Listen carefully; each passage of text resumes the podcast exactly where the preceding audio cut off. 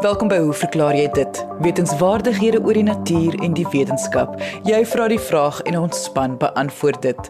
My naam is Lise Swart en ons paneelkenners vandag is teoretiese fisikus professor Hendrik Geier en ekoloog Dave Peppler. As jy 'n vraag het, stuur jou e-pos na lise, dit is L I S E by rsg.co.za. Onthou, jy mag onder 'n skuilnaam skryf of vra om anoniem te bly. Ons eerste vraag van die dag, of liewers opmerking, op 'n vorige vraag hier op Hoe verklaar jy dit, word gemaak deur Dr. Johan Brink en beantwoord deur teoretiese fisikus professor Hendrik Geier. Johan skryf: Vroeger in die jaar het Hendrik Geier 'n vraag behandel van iemand wat wou weet waarom klink geluide bo op 'n berg duideliker as onder op die grond. Hendrik het toe aangedui dat dit nie so behoort te wees nie. Ek dink as mens nader kyk na hoe klank deur die lug voortplant, dan is daar 'n moontlike verduideliking van waarom klank bo op 'n berg duideliker is as onder in die vallei. Professor Geier het dit in sy antwoord op die vraag genoem dat die spoed van klankgolwe afhang van die digtheid van die medium. Wat van surface hugging wat in die nag gebeur? Ek ken ongelukkig nie die Afrikaans vir hierdie term nie. En die teenoorgestelde wat in die dag gebeur, waar 'n persoon wat hoër geleë is, beter sal kan hoor as 'n persoon op die grond of op dieselfde hoogte as die klank. Ek sal graag professor Geier se opinie hieroor wil hoor. Professor Geier. Elise, dankie dat ons nou nog verder kan aandag gee aan 'n terugskrywe van Dr. Johan Brink uh wat die storie gaan haal het wat uh destyds onder ons aandag gebring is deur Callie Pau wat beswaard was oor die uh geraasvlakke wat hy tipies uh op stiloggende hoog op die berg waarneem uh wanneer hy in die berg klim en gaan stap en hy nou mense op motorfietsse hoor rond ry en dis meer en hy Callie se vraag was of of daar enige verklaring daarvoor sou wees dat klank uh, kom ons sê maar by voorkeur hoorbaar sou wees in 'n situasie waar iemand bo op 'n berg is en klank onder waarneem uh, vergeleke net met iemand wat op dieselfde afstand uh, op grondvlak die klank sou waarneem. Nou ek het destyds 'n paar goed te sê gehad oor uh, direkte siglyn en dis meer, maar ek het dink nie ek het ek het 'n um, uh, 'n mooi storie gehad om vir Callie te vertel nie. Nou dit is hier waar Johanna vir ons help uh, en 'n belangrike kwessie ophaal. Uh, en dit is dat 'n mens moet onthou dat dat klank 'n uh, vorm van 'n golf is dat enige golf alhoewel 'n mens hoofsaaklik aan die verskynsel dink wanneer jy van lig praat die verskynsel vertoon van breking. Met ander woorde, as 'n golf beweeg deur verskillende media wat verskillende sogenaamde brekingsindekse het, dan word die rigting van voortplanting daardeur beïnvloed. Nou die, die bekende tipe situasie wat voorgehou word wanneer 'n mens hierdie taal gebruik as jy praat van lug in water of uit water in lug beweeg en daar kan 'n mens baie duidelik sien hoe die lig gebreek word. Die gewone analise sê vir jou dat as jy van 'n medium met 'n hoër brekingsindeks na 'n medium met 'n laer indeks beweeg, dan sal die breking weg van die normaal wat op die tussenvlak getrek word beweeg. So dit dit sê vir jou in watter rigting die breking gaan plaasvind. En daar's niks in hierdie analise wat 'n onderskeid noodwendig maak tussen klankgolwe en liggolwe nie alhoewel soos ek sê die normale aanbieding is een waar 'n mens met lig werk. Nou Johan wys nou daarop dat wanneer 'n mens gaan kyk na 'n sogenaamde temperatuuromkering, temperatuurinversie wat verwys na die feit dat onder geskikte omstandighede die normale situasie dat lug na mate jy verder weg van die aardoppervlak beweeg, al hoe kouer word, kan dit gebeur dat die luglaag naaste aan die grond die koudste is en hoër op warmer. En dit is tipies die situasie vroeg in die oggend omdat die grond uh, vinnig afkoel, is die luglaag naaste aan die grond kouer as die luglaag bokant.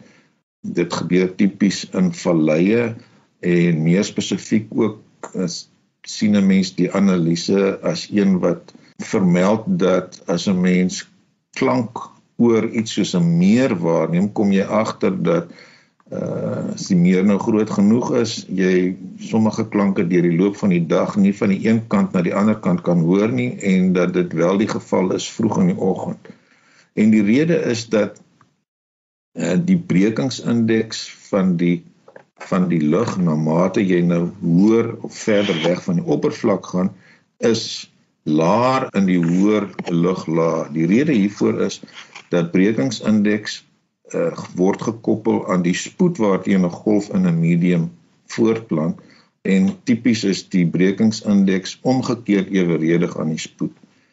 Nou as 'n mens gaan kyk hoe klank se spoed verander na mate die temperatuur van lug toeneem, lees 'n mens syfers soos dat by 0 grade het jy 'n spoed van 331 meter per sekonde, by 10 grade 337, by 20 343, by 30 349. Dit wil sê in hierdie in hierdie temperatuur bereik tipies omtrent so 6 meter per sekonde vinniger vir elke 10 grade dat die temperatuur styg.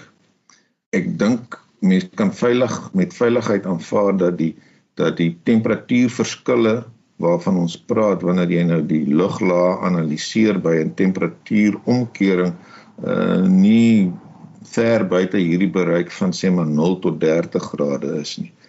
Hoe dit ook al sê, dit is dit is relatiewe klein verskille wat beteken dat die afwyking van die oorspronklike rigting na mate jy nou sê maar van die grond af verder op in die lug beweeg is nie vreeslik noemenswaardig nie. Dis maar klein effekte.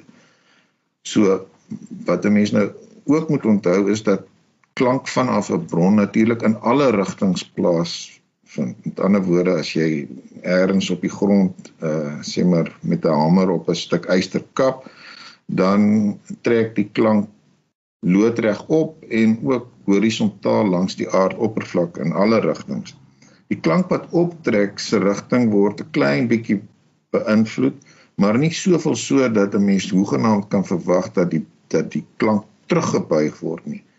Dit is tot 'n groter mate 'n uh, moontlikheid wanneer wanneer ons praat van klank wat feitelik parallel met die grond sou trek in die proses as 'n mens nou nie hierdie breking in aanmerking geneem het nie, die hoorder sou mis, maar wat as gevolg van hierdie breking tog effentjies afgebuig word en dus toevoeg tot die klank wat direk waargeneem word. Nou Johan beskryf hierdie proses as surface hugging. Hy sê hy weet nie wat se Afrikaans nie en ek kan ook maar net uh, voorstel maak. Ek het gewonder of 'n mens dit nie oppervlak klou kan noem nie, maar uh, dit is nie so belangrik nie. Uh, die feit is dat die teenwoordigheid van verskillende luglae by verskillende temperature, spesifiek onder omstandighede waar die onderste luglaag kouer is as die boonste een, het die effek dat die klank wat naaste aan die grond beweeg tog 'n klein bietjie afgebuig word. Nou ek kon Johan nêrens in die literatuur 'n verband of 'n konteks kry waar die idee van surface hugging genoem word of of uh, oppervlak klou uh, wanneer jy praat van klankvoorplanting nie. Dit word wel genoem in die konteks van aardbewings byvoorbeeld en waar 'n mens 'n derde tipe golf onderskei van die gewone longitudinale golwe en transversale golwe waar onderskeidelik die deeltjies wat deelneem aan die golfbeweging of in die rigting van of loodreg op die rigting van die golfvoorplanting uh, beweeg kry mens ook 'n derde verskynsel en dit is iets wat wat primêr op die oppervlak van 'n elastiese medium plaasvind waar die deeltjies 'n soort elliptiese beweging uitvoer en dit is terloops ook die manier waarop gewone seebranders uh beskryf word. Maar hoe ook al, ek dink wat jy dan oppervlak klou noem het te maak met die feit dat klankgolwe wat baie naby aan horisontaal sou beweeg genoegsaam afgebuig word dat dit bydra tot die klankwaarneming van 'n persoon op 'n afstand en met ander woorde die klank versterk.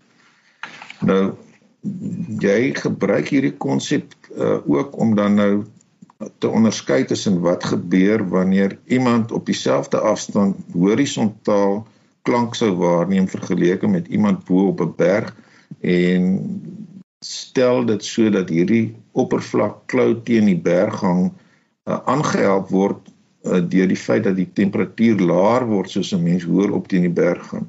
So dit lyk vir my eintlik half in teenstelling met wat onderliggend aan die oppervlak klou is en ek is nie seker of hierdie of hierdie verklaring juis uh vir Kali sal help uh om te kan argumenteer dat hy op die berg beter gaan hoor as wan, wanneer hy onder in die vallei staan nie. Uh terselfdertyd uh is daar natuurlik nie iets wat sê dat die dat die oppervlak klou self ehm uh, nie teen die berghang op plaas kan vind nie en dit kan sekerlik 'n bydrae lewer tot die helderheid van klank wat 'n mens op die berg sou ervaar vergeleke met wanneer wanneer hierdie temperatuuromkeringssituasie nie bestaan nie. En terloops Callie het nou nie genoem wanneer hy hierdie waarnemings gemaak het nie, maar ek neem aan uh, dit is hoogs waarskynlik dat dit vroegoggendwaarnemings is wanneer hierdie temperatuuromkering inderdaad plaasvind. So Johan, ons kan miskien nog verder gesels of korrespondeer oor jou analise. Uh, maar die belangrike punt wat jy gemaak het uh, is die een dat lug laag met verskillende temperature uh die effek kan hê dat klank soos lig uh, wanneer dit van 'n medium met een brekingsindeks na 'n ander een gaan gebuig kan word en kan bydra tot die uh klankintensiteit wat op hierdie manier uh waargeneem word. So baie dankie vir die skrywe en dat ons 'n uh, bietjie nader is aan 'n uh, mooi fisika uh, verstaan van van uh hoe klank onder verskillende omstandighede voortplant. En dit was teoretiese fisikus professor Hendrik Geier. Indien jy 'n vraag het, stuur jou e-pos na lise, dit is L I S E by rsg.co.za of deur RSG se webwerf. Gaan net na www.rsg.co.za. Ons volgende vraag van die dag word gevra deur Andrei Pinaar en beantwoord deur ekoloog Dave Peppler. Andrei skryf: Ek het op Facebook gesien van voëls wat muurbuddens vat. Daar is 'n foto van 'n kraai wat plat op 'n muurnes gaan sit sodat die mure oor hom kan klim.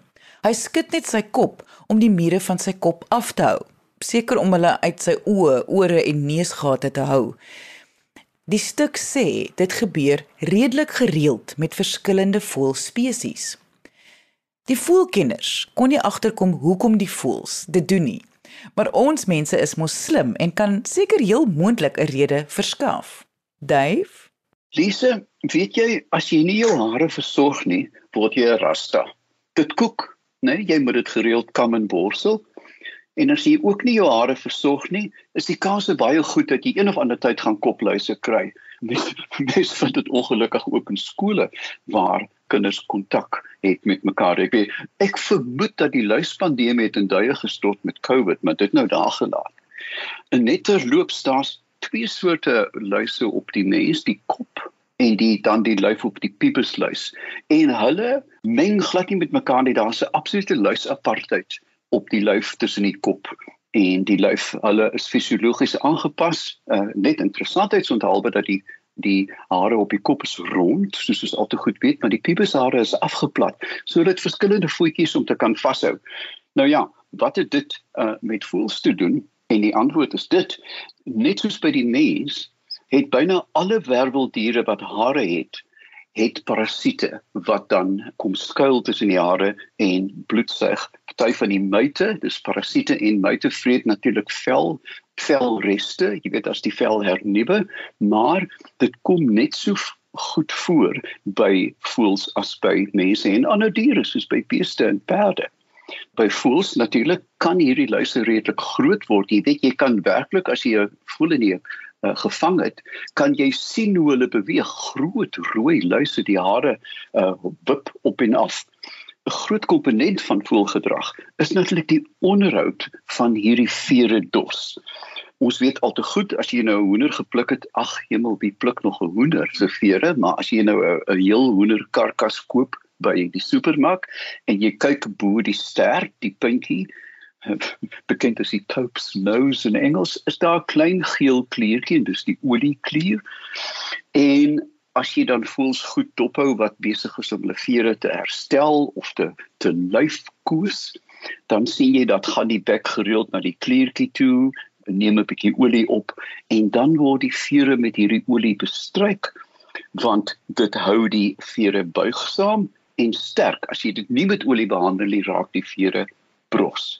Nou uh, 'n ander manier wat voels die vere dos in stand hou is deur die beluining. Jy sien baie keer dat die die die vuur word deur die bek getrek en netjies op sy plek waar hy eintlik pas. Die dekvere, die vlerkvere, alle vere word dan so beluin.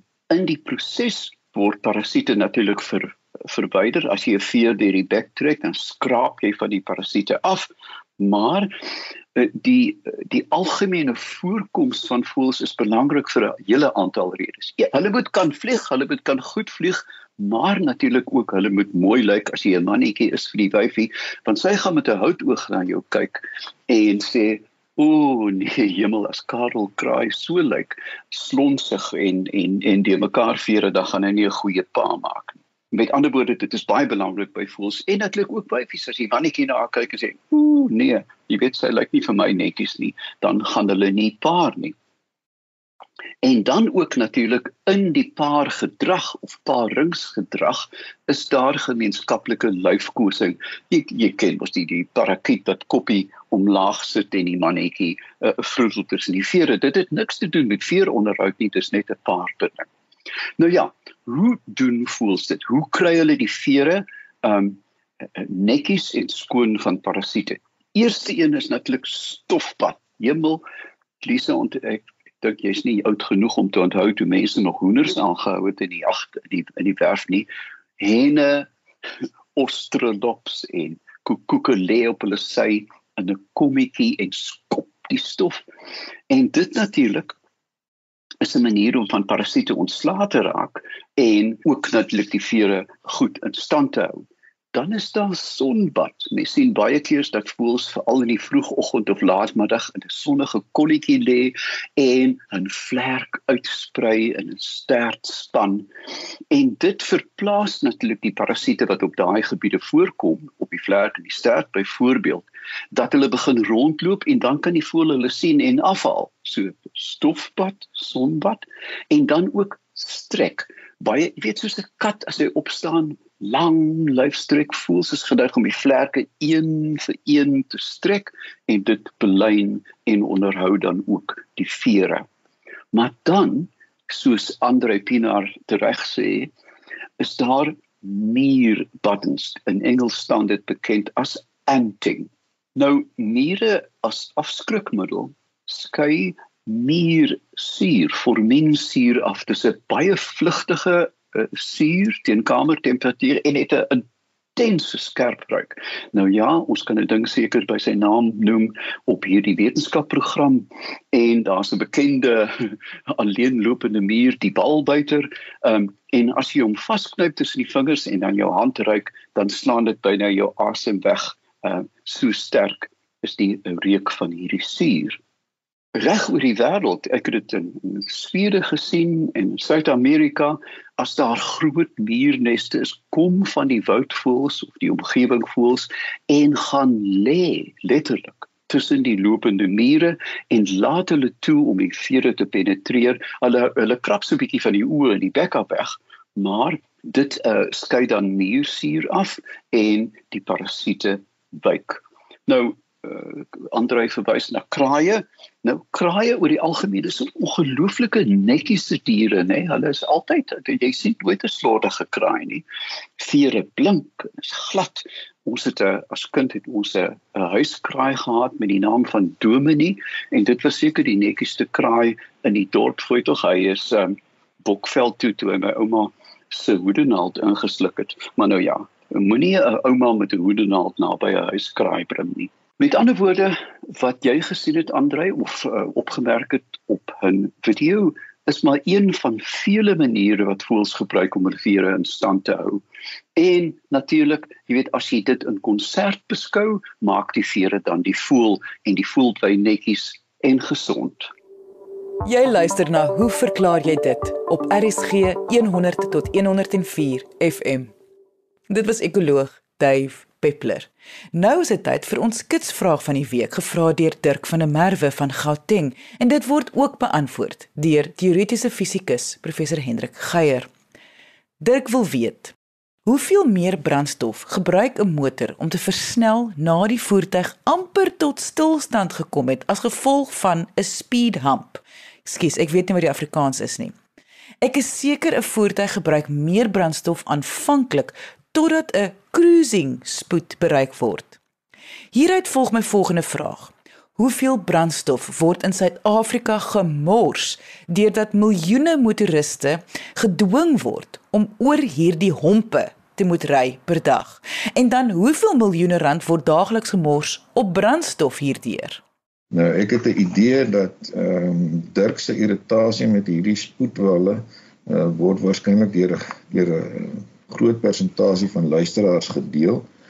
Uh aan die ander kant lees jy mense oral dat diegene wat met uh beheermaatreëls werk wat probeer om ons ongeluksyfers laer te kry, uh aandui dat dit 'n 'n baie suksesvolle manier is om mense sover te kry om nie onnodig rond te jaag en op hierdie manier ongelukke te veroorsaak nie. Uh Dirk, ek ek dink jy jy klop waarskynlik hier by die verkeerde deur aan. Uh, al wat ek al wat ek vir jou kan sê is dat 'n mens lees tipies dat uh, wanneer 'n motorvoertuig versnel, gebruik hy omtrent 30 tot 40% meer brandstof as wanneer hy teen 'n gewone kruispoed ry. So om jou vraag te beantwoord sal 'n mens nommer 1 moet weet tipies vir hoe lank tydperk in 'n in 'n voertuig se daaglikse rytyd vind hierdie versnelling plaas? Hoe vertaal dit in ekstra brandstofverbruik? Ehm um, hoeveel motoriste is daar aan die land en hoeveel spoedwalle is daar aan die land? Ek dink die die enigste plek wat dalk vir jou antwoord kan gee is is die AA waarmee ek bedoel die outomobiel assosiasie en hulle sal ook kan reageer op jou vraag oor of hierdie goed wettig of onwettig is. Wat ek wel kon agterkom is daar is nie 'n 'n standaard ordonnansie of stuk wetgewing in Suid-Afrika wat die gebruik en konstruksie van spoedwalle reguleer nie.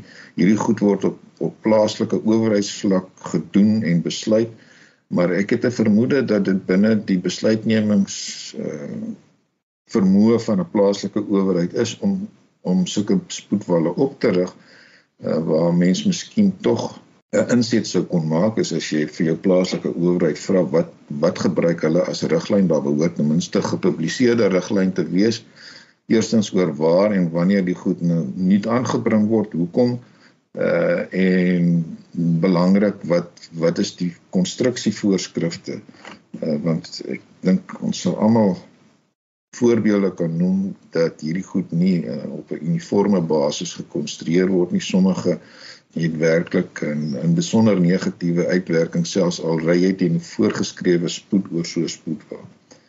So Dirk, ek is jammer ek kan jou nie nader aan jou in jou direkte vraag sou antwoord bring nie, maar kyk of jy nie by die AA kan regkom nie en dalk kan hulle uh, saam met jou uh, verder struktuur probeer gee aan aan hoe hierdie goed geïmplementeer en en gekonstrueer word. Dit was teoretiese fisikus professor Hendrik Geier